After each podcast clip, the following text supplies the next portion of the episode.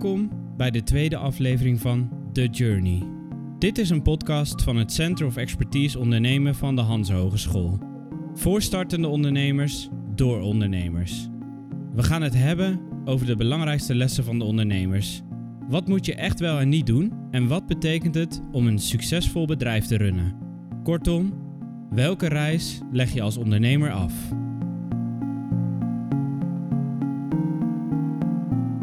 Mijn naam is Wilbert van den Kamp en vandaag zitten Vincent Veenbrink en Robert Adema bij mij in de studio. Beide studeerden ze aan de Hanze. De start van Basically was in 2014 tijdens een schoolproject en sindsdien is het wel een beetje uit de hand gelopen. Basically groeit ieder jaar, heeft al verschillende prijzen in de wacht gesleept en ze bereiden steeds meer jongeren voor op een digitale wereld. Hoe gaan Vincent en Robert om met deze groei? En wat is hun volgende stap in deze reis? Voordat we verder met ze praten, zijn we uiteraard erg benieuwd waar hun laatste reis naartoe ging. Ik denk dat echt de laatste reis was naar Engeland. Ja, En wat ging je daar doen? dansen. Dansen. Ja, zeker. Ja, naast Basically eh, ben ik ook nog internationaal ballroomdanser. Ehm en dan dus wedstrijden in binnen- en buitenland. Dus eh, mijn laatste reis was inderdaad naar Engeland voor een wedstrijd. Ja. Oh, tof. Leuk. En ballroom dansen. Vet. Heb jij ook zo'n interessante hobby, Robert? Ah, misschien. Ik, mijn laatste reis ging, eh, ging naar Marokko om te kitesurfen. Eh, misschien ook niet alledaags, maar ja, dat is eigenlijk wat ik voornamelijk het liefste doe in mijn vrije tijd. Kitesurfen. En daar ging je laatste reis ook naartoe, Ja. dus naar Portugal. Ja, midden, mi- midden in de woestijn. Vet. Ja. Grappig. En eh, eh, eh, ja, dan, dan zie ik gelijk jullie tweeën als, als een soort van... Want je, je, doen je, hebben jullie samen de leiding van Basically? Ja. Ja. En ehm, eh, een kitesurfer en een ballroomdanser, is dat, een, is dat een goede match als team? Dat heeft aan het begin wel wat opstartproblemen gehad. Ja, ik wij hebben heel erg aan elkaar moeten wennen. Ehm, maar ik denk, eh, als ik voor mezelf spreek, is dat, dat maakt ons denk ik zo'n goed team. Is, als we twee kitesurfers hadden gehad of twee ballroomdansen, zeg maar, we waren precies hetzelfde. eh, dan hadden we, ik, ik vind dat zo waardevol aan ons, is je kunt elkaar aanvullen. Ik ben in bepaalde dingen goed, eh, waar Vincent niet goed in is en andersom. Alleen het is wel, je moet daar echt voor werken om elkaar daarin te vinden en om een team te worden. Ja. Vincent, waar ben jij wel en niet goed in? Nou, waar ik niet goed in ben, eh, vooral is echt plannen schrijven. Gestructureerde plannen schrijven. Ehm, en dat is ook zeg maar toen wij net, nou toen de tijd nog met Eternity, want eigenlijk Eternity is toen uit dat schoolproject ontstaan. Toen wij allebei nog het Honors College deden bij de Hans Hogeschool. Ja, toen eh, konden wij elkaar echt in het begin de kop wel inslaan. Want eh, daar waar ik goed in was, was Robert minder goed in en andersom. En wij verwachten eigenlijk van elkaar dat waar, nou, wa- waar ik goed in was, dat ik dacht, ja Robert, jij moet daar ook goed in worden. En daar waar Robert goed in was, eh, die dacht van, eh Vincent mag wel een tandje harder daar. En daar hebben we op een gegeven moment, ik denk na een jaar of anderhalf jaar zo'n beetje, toen hebben we gezegd van, eh, dit werkt niet. Nee, dus toen hebben we gezegd van, oké, jij gaat doen waar jij goed in bent en jij gaat doen waar jij goed in bent. En Ja. nou ja, waar ik dan wel goed in ben, is zeg maar veel meer het, eh, het aanhalen van nieuwe relaties, eh, eh, ehm, eh, zeg maar het netwerken, ook kijken waar eventueel, waar we naartoe kunnen met ons product, eventueel nieuwe markten of ehm, het eventueel aanspreken van of nieuwe klanten, zeg maar echt acquisitie, relatieonderhoud en nieuwe samenwerkingen om echt business-wise zeg maar onze organisatie te vergroten. Ja, dat is echt wel waar mijn kracht ligt. Ja. En daar, daar wordt Robert ook helemaal niet gelukkig van. Dus dat is ook iets wat, waarvan we dan heel duidelijk zeggen van oké, dat doe ik. En dat doet Robert niet. En Robert, waar word jij wel gelukkig van? Eh, van het eh, geef mij een probleem en ik eh stort me er helemaal op. Dat, dat vind ik het eigenlijk het allerleukste om te doen. Dus eh, voor mijn gevoel een, eh, een probleem en het liefst ook nog, en waar wij mee bezig zijn, een maatschappelijk probleem. eh, proberen oplossen, op te lossen. ehm, in ons geval aan de hand van, of door middel van technologie voornamelijk.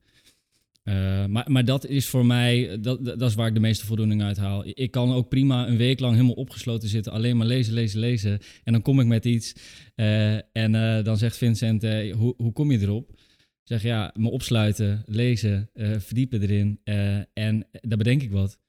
dat is gewoon waar ik mijn meeste voldoening uit haal. En, en niet zozeer in het heel erg het,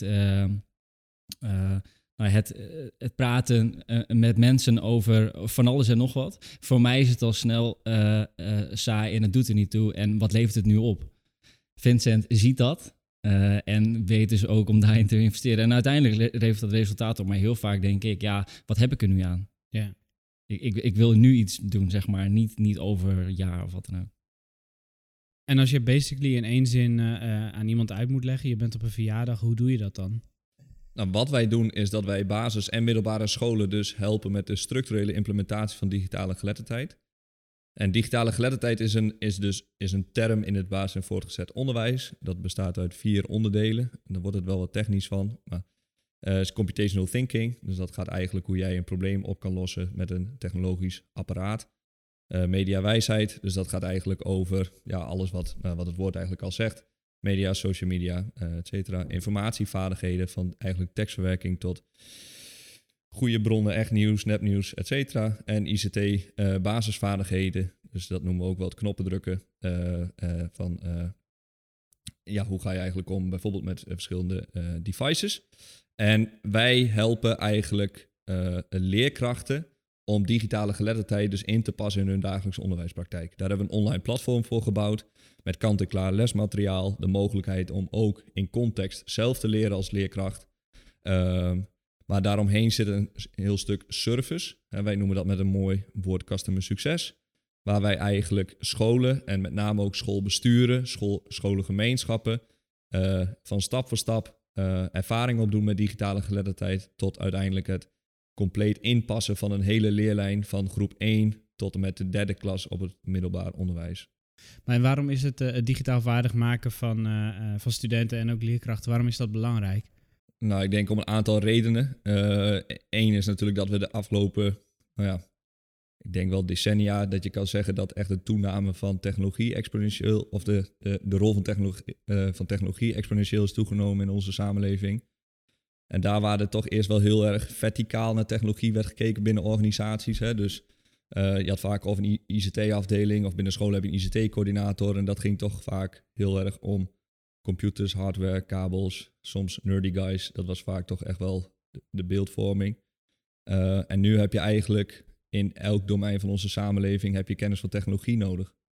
Of je nou in je werk of in privé maakt eigenlijk niet uit. En onderwijs zou in die zin een realistische afspiegeling moeten zijn van jouw toekomstige, uh, van die toekomstige arbeidsmarkt. En dat is het op dit moment niet.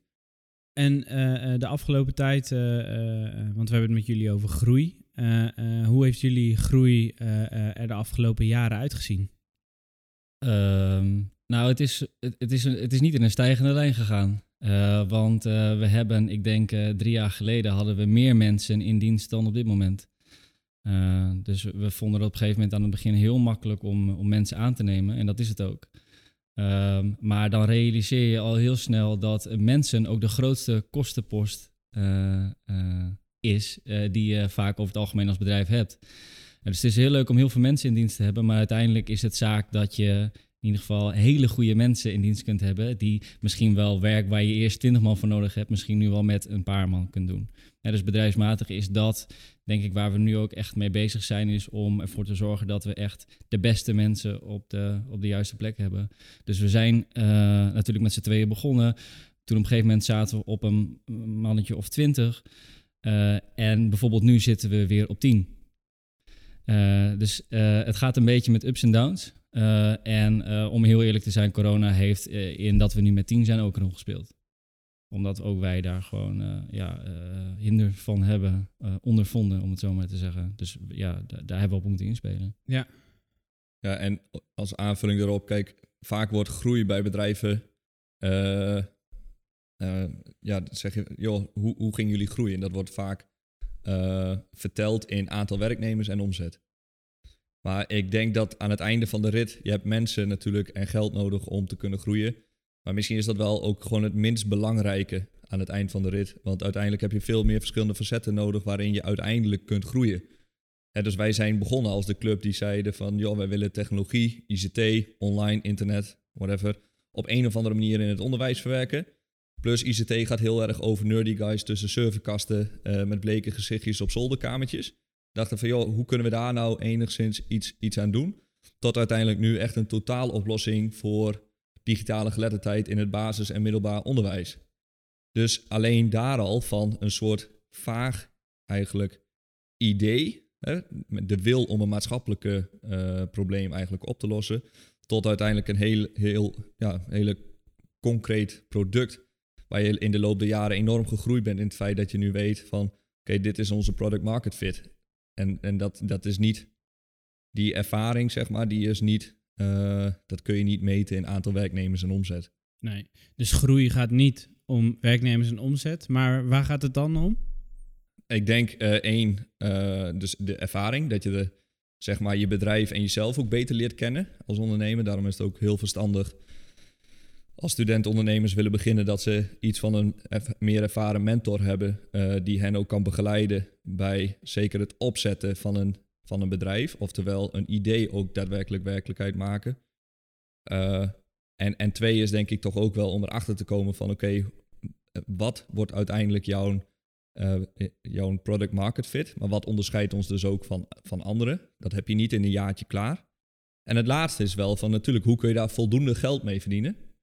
Uh, om uiteindelijk je eigen broek op te houden. Dus ja. ik denk dat in essentie dat wel de drie belangrijkste dingen zijn. Ja, en dat is dus wel echt iets heel anders dan alleen maar euro's of mensen die er werken. Ja, nou ja. zeker weten. Want het is bijvoorbeeld, hè, ook als je ondernemersplatforms hebt, zoals een Sprout of wat dan ook. En dan, uh, de, of business maakt eigenlijk niet uit. De quote 500. Ik noem maar. En da daar staat dan van, uh, nou deze, deze ondernemer die heeft miljoenen opgehaald. En nou, dat wordt dan heel groot gevierd. Maar het eerste wat wij dan altijd denken is van ja, dat is wel heel erg afhankelijk van de context waarin je geld ophaalt. Want je kan nog zoveel prijzen winnen en nog zoveel geld ophalen. Maar op het moment dat er geen gedegen uh, businessmodel onder zit en er geen gedegen basis is, die ook vaak toch echt wel bij de founders ligt, uh, dan kan dat heel snel weer weg zijn. Dus dat is niet, je bent niet altijd geprezen met dat soort dingen. Dus het is wel heel erg contextafhankelijk om te kunnen zeggen van joh, dit is echt uh, top of niet. Ja, en Robert, jij vertelde net over uh, uh, dat je op een gegeven moment twintig mensen had werken. Hoe voelde het op het moment dat je, dat je van twee naar twintig mensen groeide? Um, nou, je, je, hebt, je hebt gewoon van die, van die soort van groeipijnen. zo voelt het. En, en zo echt daadwerkelijk zo voelt het. Is dan op een gegeven moment komen er meer mensen. En dan uh, met het aantal uh, komen er ook uh, daarbij behorende ja, problemen tussen aanhalingstekens bij. Is dat ja, hoe groter het team wordt, hoe minder er dingen vanzelf gaan. Dus dan merk je gewoon, nou moet je gaan nadenken over hoe gaan we met elkaar werken. Want ja, wij waren gewend om één op één met elkaar te zitten. Nou, dan komen er mensen bij. En elke keer verdubbelt eigenlijk de complexiteit van de, de communicatie eigenlijk van, ja, en, waarop we dus op een gegeven moment met 20 man echt, uh, we zijn overgegaan op holocratie. Omdat we op een gegeven moment zochten naar een bepaalde manier van organiseren die, die ene voor ging zorgen dat alles duidelijk werd uh, wat mensen deden, uh, hun rollen en verantwoordelijkheden, maar ook een, een, een, een, manier die eigenlijk past bij een, een, jong bedrijf zoals wij zijn. Dus we zijn niet, we zijn allemaal jong, we hebben eigenlijk een hekel aan hiërarchie op de ouderwetse manier van er zijn hier twee mensen die bepalen wat er gebeurt. dus ja, daar hebben we echt actief naar moeten zoeken. En, maar dat vond ik persoonlijk ook wel een van de leukere dingen om gewoon na te denken over ja, bij wat voor soort bedrijf zou ik zelf eigenlijk willen werken? Hoe zou ik willen dat het georganiseerd zou worden? En uh, ja, als ondernemer kun je dat dan waarmaken. Dan kun je dat gewoon zelf doen met die twintig mensen. Ja. En dan hoop je maar dat dat lukt. En wat is holocratie? Uh, ja, holocratie is een, uh, een manier om in ieder geval je, je bedrijf te organiseren. Um, en voornamelijk op gebied van, uh, van werk. Dus normaal gesproken heb je functies binnen een bedrijf. Nou, in holocratie heb je rollen. Maar dat, uh, uh, dat is allemaal heel flexibel. Dus het is heel duidelijk, deze rollen zijn er. En dit is het werk wat daarvoor moet gebeuren. En de kern is eigenlijk dat iedereen gelijk aan elkaar is. Dus Vincent en ik zijn niet in onze rollen beter dan iemand die bijvoorbeeld scholen begeleidt. we hebben, zeg maar, elke rol is gelijkwaardig aan elkaar. En dat, dat heeft er ook voor gezorgd dat mensen uh, in, in optima forma, in, in het heet van de site, ook ons ter verantwoording durven roepen. Bijvoorbeeld wanneer wij op een moment een keuze hadden gemaakt om afscheid van iemand te nemen, dat het niet uh, op de juiste manier misschien hadden gedaan. Uh, waardoor we eigenlijk door het hele bedrijf ter verantwoording werden geroepen. Van ja, iedereen voelt zich gelijkwaardig en heeft zoiets van ja, dat is leuk, maar wat doen jullie eigenlijk? Kun je even uitleggen wat je nu hebt gedaan en waarom? En toen dat gebeurde, was het uh, voor ons wel even van wat gebeurt hier nou? Maar eigenlijk is dat wat je wil, is dat niemand in de organisatie bang is om te zeggen wat hij, uh, wat hij denkt. Uh, en het, tot slot, het mooiste van holacracy vind ik is dat het uh, flexibel is. Dus uh, normaal gesproken heb je functies voor een organisatie bepaald uh, en dat blijft dan. En wat wij doen is één keer in de zoveel tijd gaan we door alle functies en rollen heen. En dan zeggen we oké, dit werk doen we niet meer. Nemen we ook afscheid van, dit werk is erbij gekomen. Dus daar moeten nieuwe rollen en verantwoordelijkheden voor komen. En zo kun je denk ik ook als organisatie en helemaal als, als, als jonge organisatie snel mee blijven groeien op de manier waarop dat nodig is. En Vincent, is dat, is dat bij, uh, bij elk of is dit voor elk bedrijf geschikt, denk je, op deze manier uh, samenwerken en daardoor ook de groei beter aankunnen? Poeh, moeilijke vraag. Ik denk ook niet dat ik daarover kan oordelen, omdat ik zelf, behalve bij een cafetaria, nog nooit bij een ander bedrijf heb gewerkt. Dus... Was dat ook uh, met holocratie of niet? Misschien individuele holocratie. Ik kreeg wel een hoop vrijheid aan. ja. ja, mooi. Maar mijn rollen zijn daar nooit veranderd. Nee, nee. Uh, maar ik denk wel dat. Uh, natuurlijk, het is een, het, eh, is een organisatiemodel. Met bepaalde waarden en, en nou, hetgeen wat Robert net uitlegt. Maar uiteindelijk heeft natuurlijk jouw cultuur wel een hele belangrijke invloed daar ook op. Dus hoe je gewoon, want een bedrijf is natuurlijk niets anders dan een verzameling van mensen binnen een soort juridische entiteit. En die mensen bepalen voornamelijk vanuit de founders de cultuur. Dus je kan zeggen, je kan dat niet copy-pasten naar een andere organisatie. Dat zal weer heel anders zijn. Um, maar ik denk wel dat het interessant is en ook wel van, van deze tijd om beslissingen, om uiteindelijk gaat het erom dat het bedrijfsbelang altijd bovenaan staat. En dat je uiteindelijk met de beste ideeën het bedrijf zo snel mogelijk verder wil brengen. En dat is niet, dat komt niet altijd bij zeg maar de basis van het bedrijf vandaan. En die cultuur moet je creëren. En ik denk dat holocratie als organisatiemodel daar hele grote toegevoegde waarde kan hebben.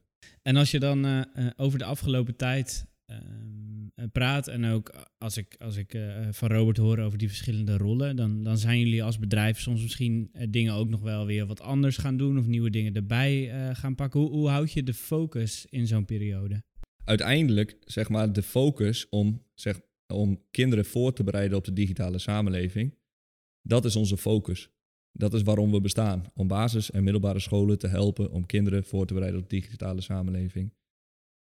Maar hoe we dat doen, dat verandert natuurlijk gedurende de jaren. Dus die focus blijft in die zin wel hetzelfde. Alleen de manier waarop je dingen aanpakt uh, in, in, in, in vormen van rollen uh, en, en mensen en uh, gewoon organisatie, ja, dat heb je niet in een maandje klaar en zeg je van nou, de aankomende vijf of zes jaar uh, gaan, we dat zo, gaan we dat zo doen. Dus eigenlijk moet je in die zin gewoon elk kwartaal in ieder geval kijken van joh, zitten we nog op de juiste koers? En als je erachter komt van nou, misschien niet, uh, ja, dan moet je je vooral niet vasthouden aan van ja, in januari hebben we gezegd van aankomend jaar gaan we het zo doen. Dus nu is het uh, uh, april. Uh, dus we houden daar aan vast. Dan moet je daarin wel meebewegen. En ik denk dat dat wel heel erg belangrijk is, zeker weten. Ja. Ik denk nog eh, op het, op stukje focus is dat het is uh, het is heel verleidelijk wat je als ondernemer en je, je, bent continu bezig met waar moet het naartoe. het is heel verleidelijk om te denken, oh dit kunnen we ook wel doen. Oh uh, uh, iemand vraagt iets aan jou, zouden jullie dit ook kunnen doen? Dat we denken, oh, dat is een goed idee, misschien kunnen we daar ook wat mee. Je, je verzandt heel snel in dat je, dat je van allerlei dingen uh, kunt gaan doen. En dan, hoe verder je komt, is het zaak om gewoon ook echt nee te durven zeggen. En dat hebben we ook echt moeten leren, om nee te durven zeggen tegen allerlei kansen die zich aandoen. Maar waarvan je denkt, ja, tuurlijk, dat kunnen we ook. zouden we kunnen doen. Maar als we ons nu focussen op dit ene ding, dan, gaat, dan zeg maar, daar halen we veel meer uit dan allerlei kleine dingetjes doen waarvan we denken, oh, is misschien ook wel leuk. Oh, dit kunnen we ook wel doen. Dus eh, voor mij is dat focus en, en daar zijn we nu na een aantal jaren echt nu uh, voor mijn gevoel goed in beland. Is dat we, uh, dat we daar ook echt nee tegen durven zeggen. En ook gewoon denken, dit is wat we doen, dit is waar we heel goed in zijn. en dat willen we zo goed mogelijk blijven doen. En hoe, hoe maak je zo'n besluit? Hoe, hoe beslis je, dit gaan we niet doen? Op basis van strategie. En ook dat is uh, iets waarvan je in de ondernemersboekjes heel vaak leest, ja, strategie is heel belangrijk. En dan denk je, ja, dat zou wel. En wij hebben ook een strategie in ons hoofd. En, um, maar tot je jezelf dwingt om het heel concreet op papier te zetten en ook echt een punt over vijf jaar op de horizon durven zetten en dan ook denken van oké, en wat moeten we dan nu daarna doen? En eigenlijk is dat je soort van graadmeter van oké, of toets, toetsingsmodel is, past dit in die lijn? Uh, en zoals Vincent zegt, ja, dan moet je ook flexibel durven zijn. Van ja, uh, we hadden die, dit niet voorzien, maar het moet er toch in. En soms denk je, nee, dit is echt iets wat hier buiten valt. En dan zeggen we dus nee. Maar dat betekent wel dat je soms ook nee moet zeggen tegen iemand waar je uh, misschien een goed gesprek mee hebt gehad. Hoe, hoe doe je zoiets? Iemand anders aanbevelen. Duidelijk. Ja, zeker. Dat zeker. is gewoon het enige goede antwoord is. Ja, ja. zeker. Maar dat is ook ehm, een voorbeeld wij worden nu, in het begin van Eternity, toen hadden wij dus al de gedachte van, joh, wij willen eigenlijk technologie op een of andere manier in het onderwijs krijgen. Nou, wij hebben met de Holland Web Week hier in de stad uh, Groningen, Let's Grow, uh, we hebben echt festivaltenten van 30 bij 30 volgestampt met allemaal technologische snufjes. Voor kinderen kwamen papa's, mama's van bedrijven met kinderen met een broodje kroket in de hand, uh, de tent binnenwandelen, muziek, DJ's, alles. En daar werden we steeds meer voor gevraagd. Ook festivals zoals Bombardierend en nou, noem het, noem het allemaal maar. Maar op een gegeven moment gingen we daar bekend om staan. Van, oh, nou, als je een workshop wil of zoiets, dan moet je naar Eternity toe. Maar toen gingen we, waarom bestaan wij? Om, om zeg maar technologie, ICT op een of andere manier in het onderwijs te krijgen. Dus zeg maar hetgeen wat wij aan het doen waren, dat schoot enorm voorbij aan het doel waarom wij eigenlijk bestonden. Dus toen hebben we gezegd van oké, wij moeten meer richting onze, onze core business. Uh, plus dat er een hele hoop andere partijen die je natuurlijk wel kent, uh, ook soortgelijke activiteiten doen, dan wel dan de mogelijkheid hebben om hun activiteiten uit te breiden. Dus op een gegeven moment hebben we gezegd, doen we niet meer. Wil je dat wel? Nou, dan zou je bijvoorbeeld naar diegene of diegene gewoon naar iemand anders toe kunnen gaan. Maar dat, dat maakt ook meteen voor, die, voor degene waar je dan dat goede gesprek mee hebt gehad, heel duidelijk waarom iemand dan wel bij jou moet zijn. En dat is op de lange termijn veel belangrijker. En dat doen we nu nog steeds. Top. En Robert, um, in, in de jaren uh, die jullie nu uh, al onderweg zijn, is er vast wel iets misgegaan een keer. Wat, wat is voor jou de grootste fuck-up die jullie hebben gemaakt? Um, ik denk de.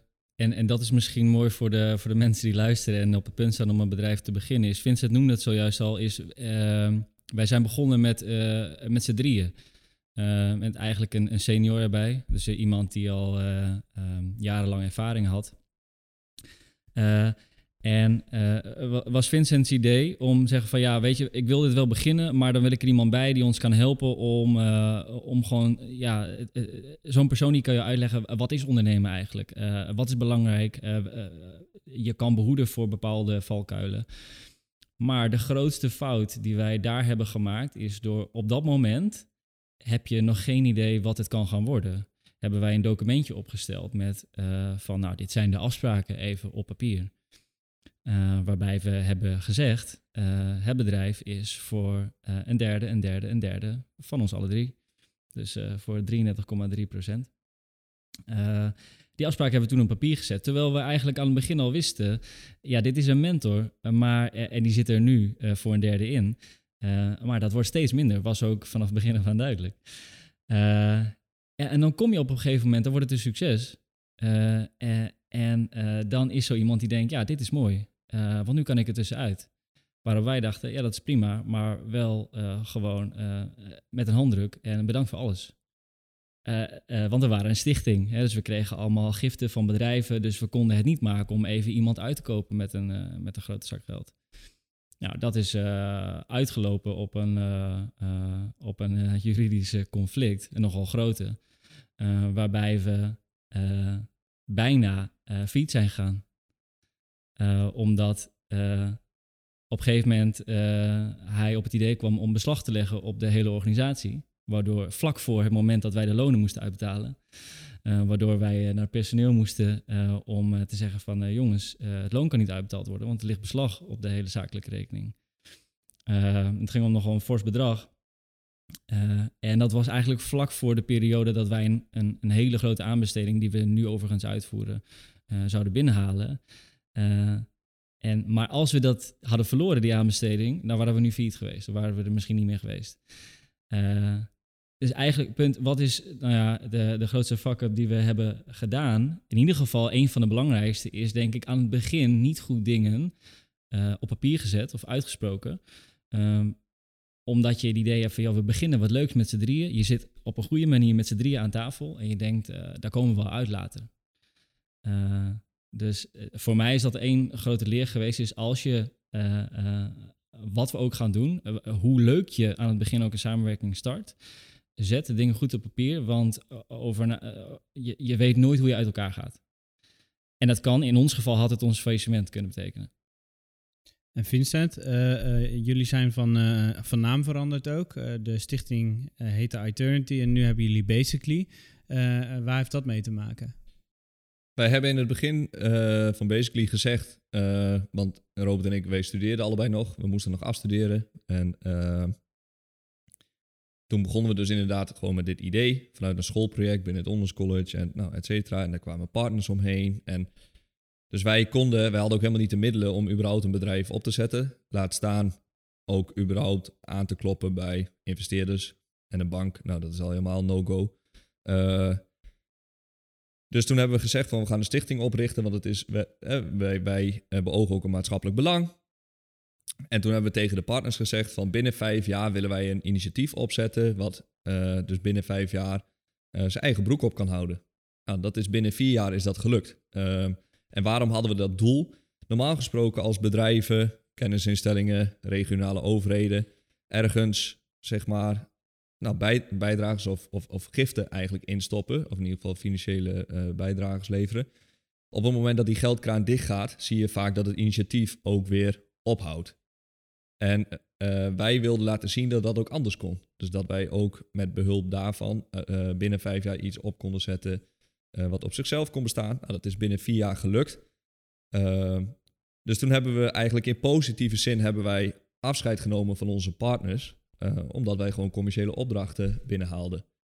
Nou, en dan is het een iets wat hypocriete gedachte om een stichting te vercommercialiseren. Dus toen hebben we gezegd van oké, we gaan van een stichting gaan we naar uh, BV's. Plus we hebben ons lesje geleerd met de casus die uh, Robert net heeft omschreven. Dus ook wat betreft privé-aansprakelijkheid, afspraken ook tussen ons. Hè, want in principe als twee aandeelhouders ja, het is gewoon een soort zakelijk huwelijk wat je hebt. En dan moet je gewoon hele stevige huwelijksvoorwaarden onderleggen om uiteindelijk zeg maar, het huwelijk op de lange termijn leuk te houden.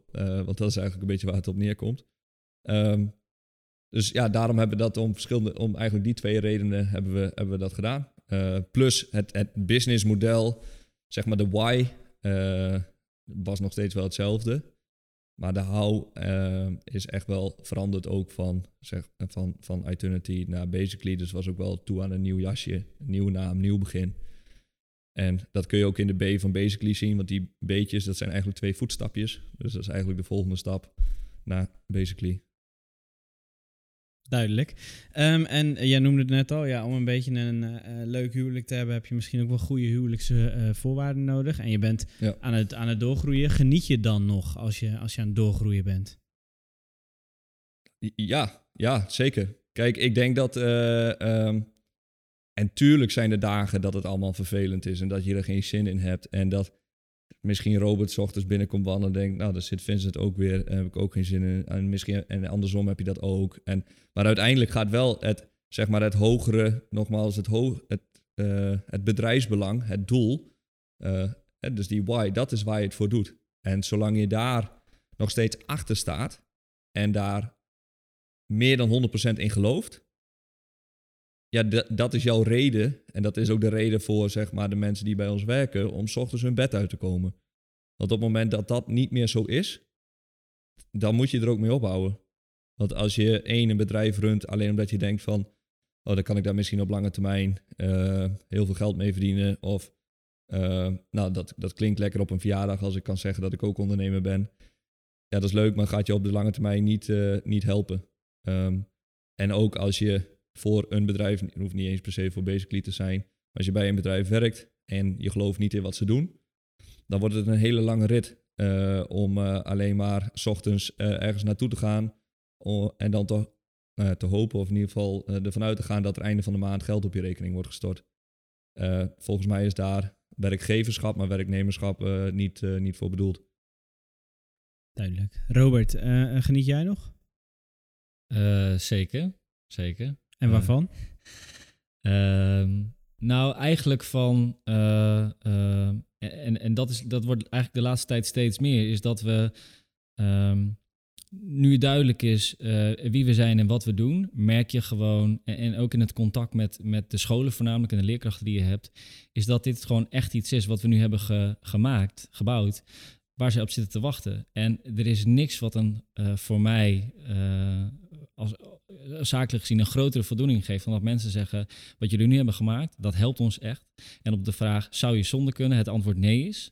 Uh, ja, een, een grotere voldoening kun je bijna niet krijgen. dus dat is één. Twee is ik merk wel dat op persoonlijk vlak ik het soms best ingewikkeld vind. Waarom? Is omdat je gaat en uh, Vincent en ik met elkaar, maar ook met het personeel ga je een relatie aan. Uh, en soms neigt dat ook wel eens naar vriendschap. en wat je werkt toch met elkaar. Dus ik, kan, ik vind het soms heel moeilijk om dat heel erg zakelijk te zien. Um, want er gaan momenten komen dat je van mensen waar je misschien heel goed mee kan, die heel veel voor je hebben betekend, afscheid moet gaan nemen. En ik merk dat, dat, uh, dat me dat meer doet dan ik had verwacht. Ik ben van mezelf een vrij zakelijk type. Um, maar ik hecht wel heel veel belang aan dat ik het gewoon goed met mensen kan vinden. Uh, en, en, en, dat er gewoon een goede werksfeer is. En daar is het ook voor, zeg maar, dan is het ook belangrijk dat je goed met elkaar kunt omgaan. Maar je weet gewoon, er komt een moment, dan ga je uit elkaar en dat kan goed. Dan is, dan is er niks aan de hand. Maar als dat, eh, vooral bijvoorbeeld in deze coronatijd, hebben we afscheid moeten nemen van mensen die heel veel voor ons hebben betekend. Uh, dan merk ik dat ik dat moeilijk vind. Uh, en dat neem ik ook mee naar huis. En dan zijn de dagen niet zo leuk als ondernemer. Want ja, uh, iedereen kan achter de beslissing staan. maar wij zijn degene die de boodschap moeten brengen. En die, wij zijn de klootzakken, om het zo maar te noemen. Ja, en, en niemand heeft medelijden met je. Hoeft ook niet. Vraag ik ook niet. maar het is soms wel eens alleen dan. Begrijp ik inderdaad. Um, uh, basically is natuurlijk al een volgende stap geweest ten opzichte van Eternity. Wat is, denk je, jullie volgende stap? Uh, goeie. Uh, dat is iets waar we zelf ook veel over nadenken. Wat is de volgende stap? eigenlijk, nou, de volgende stap is denk ik buitenland. Um, want eigenlijk de stap waar we nu mee bezig zijn is Nederland. Dus vooral, de, op gebied van digitale geletterdheid, de, de, nou ja, de marktdominantie, om het zo maar te zeggen, van, uh, van digitale geletterdheid in Nederland, binnen het Nederlands onderwijs. Dat is stap nummer één. Maar wij weten, dit is ook een probleem in Duitsland, in België, in Engeland, overal eigenlijk. En misschien dat daar ook basically zijn. dat zou kunnen. Um, maar als dit slaagt, uh, en we hebben bijvoorbeeld ook al aanvragen gehad vanuit België of vanuit, ik geloof Suriname was het, hè, waar dan ook Nederlands onderwijs. Dus je merkt gewoon dat, hè, omdat wij een Nederlands platform zijn, kijken Nederlands sprekende landen, waaronder bijvoorbeeld in België, ook naar ons. dus we weten gewoon dat er wel interesse is vanuit het buitenland. Um, maar ook hè, omwille van die focus, eerst Nederland. Als het daar al niet in lukt, dan lukt het in het buitenland misschien ook niet. en daar zijn we nu heel goed bezig. Dus volgende stap is dat. En jullie hebben al een hele hoop lessen uh, uh, gedeeld. Maar is er een tip die je uh, een, een, ondernemer zou, of een student-ondernemer zou kunnen geven? Ja, ik heb sowieso altijd één die ik regelmatig meegeef. Ehm, wat, wat mensen, maar laten we even focussen op studenten, veelal neigen te doen, is stel ik doe een bedrijfskundige opleiding. Ehm, dan gaan ze naar evenementen, workshops, masterclasses, uh, noem het maar, die allemaal enigszins affiniteit hebben met bedrijfskunde. Dus studenten gaan altijd ergens naartoe waar ze zelf er iets van weten. En, uh, want heel vaak wordt ook eh, de vraag gesteld aan jou van, ik ga daar naartoe. Oh, wat is het doel dan? Nou weet je, mij boeit het niet zo veel wat het doel is. Ik wil eigenlijk gewoon ergens naartoe gaan. Wat volledig buiten mijn eigen, eh, eh, ja, niet echt comfortzone, maar buiten mijn eigen ja, dingetje ligt waar ik al iets van weet. Want dat is waar je nieuwe mensen leert kennen en waar je eigenlijk ook leert om nieuwe verbindingen te maken met hetgeen waar je zelf al wel wat van weet. Een voorbeeld daarvan is toen ik zelf nog studeerde, dan ging regelmatig, en dat is ook wat het Onders College bijvoorbeeld uh, mij, en ik denk dat ik wel namens ons uh, samen mag spreken, ons heeft gebracht, is dat je ook als bedrijfskundestudent bijvoorbeeld met studenten van Minerva in contact komt. En uh, dat zijn hele leerzame, hele leerzame lessen. Of bijvoorbeeld Talent Web Groningen, nou dat ken je bijvoorbeeld zelf. Super interessant, want je komt daar allemaal mensen tegen vanuit hele verschillende disciplines. En ik denk dat dat super belangrijk is, zeker in je jongere jaren en zeker als startende ondernemer, om in het begin al je blikveld te verruimen. De zoekplekken die je eigenlijk normaal gesproken niet zou Ga daar waarvan je denkt van, wat moet ik daar in hemelsnaam doen? Mooi, die is heel erg mand. Robert, heb jij nog een tip? Uh, ja, ik heb er heel veel, maar ik ga ze niet allemaal noemen. Maar ik, eh, een van de belangrijkste dingen, als uh, ik betrek het even op wat, wat ik zelf heb geleerd, is dat, dat mindset heel erg belangrijk is. Want je komt van school en je bent schools opgeleid. dus je bent niet opgeleid met een ondernemende houding. dus eh, wat, uh, wat ik voor mezelf heel erg heb proberen te doen, is, is heel veel lezen, lezen, lezen over wat houdt eigenlijk ondernemerschap nou eigenlijk in? Wat betekent dat? En uh, wat onderscheidt een goede ondernemer van een slechte en noem maar op. En ik denk dat, dat de grootste investering die, die, die je kunt doen, is één, is snoeihard werken. Uh, en dat klinkt heel cliché, maar dat is echt zo. Hoe meer tijd je erin stopt, hoe meer je eruit haalt. Dus denk niet dat je het met 40 uur in de week redt. Uh, maar vooral is uh, je manier van denken. Dus uh, als je daar, als je goed bij, bij nagaat, is bij heel veel dingen, zeg maar, word je beperkt in je denken. Dus je denkt, ja, maar of bestaat al, gebeurt al, we hebben geen geld, we hebben niet genoeg mensen, we hebben, ik heb, zeg maar, zal het wel goed, zeg maar, allemaal dingen die in je hoofd spelen. Terwijl als je jezelf probeert uit te dagen om, om, om die beperkingen los te laten, en te denken van oké, stel je voor ze niet, hoe, hoe zou ik het willen? Dan kom je erachter dat eigenlijk alles wat je wil, lukt en kan. Natuurlijk ga je een keer op je bek en dan denk je, oh ja, ik had het anders gedacht. Um, maar voor mij is, alle, is mindset, dus de manier waarop jij hiermee omgaat als ondernemer, is zeg maar wat jou onderscheidt of wat jou succesvol maakt of niet. Duidelijk. Dankjewel. Heb je, heb je één boek als tip misschien? Of is dat niet ik, ik lees echt uh, wekelijks uh, ik, bijna een, boek per week. Maar uh, een meest recente is van Ray Dalio. het boek heet Principes. En dat is een van. Dat wordt de, de Steve Jobs van de investeringswereld genoemd. Ehm, maar die heeft een heel mooi boek geschreven over, over wat hij eigenlijk de levenslessen, zowel persoonlijk als zakelijk, Waarin, heel, waarin hij heel mooi beschrijft van wat zijn nou echt de belangrijke dingen. Dus de principes die je eigenlijk op alles kunt toepassen. Of het nou werk of privé is. Maar zodra je je eigen principes gaat hanteren en uitzoeken van ja, wat zijn mijn principes eigenlijk en die op alles toepast, dan zul je zien dat je alles kunt bereiken wat je wil. Of het nou zakelijk is of privé. Nou, dankjewel voor uh, uh, jullie lessen. Mooi om zo een uh, kijkje in de keuken te krijgen bij jullie bedrijf en ook jullie een beetje te leren kennen. Volgens mij hele waardevolle lessen ook voor iedereen die iets wil beginnen, echt van de basis tot aan groei. Dus nou ja, dankjewel daarvoor. Graag gedaan. Dit was de tweede aflevering van The Journey. The Journey is een podcast van het Center of Expertise Ondernemen van de Hans Hogeschool Groningen voor en door ondernemers. Laat ons weten wat je van de podcast vond door een reactie te geven op onze social media kanalen, hashtag Hansondernemen of door een mail te sturen naar ondernemen.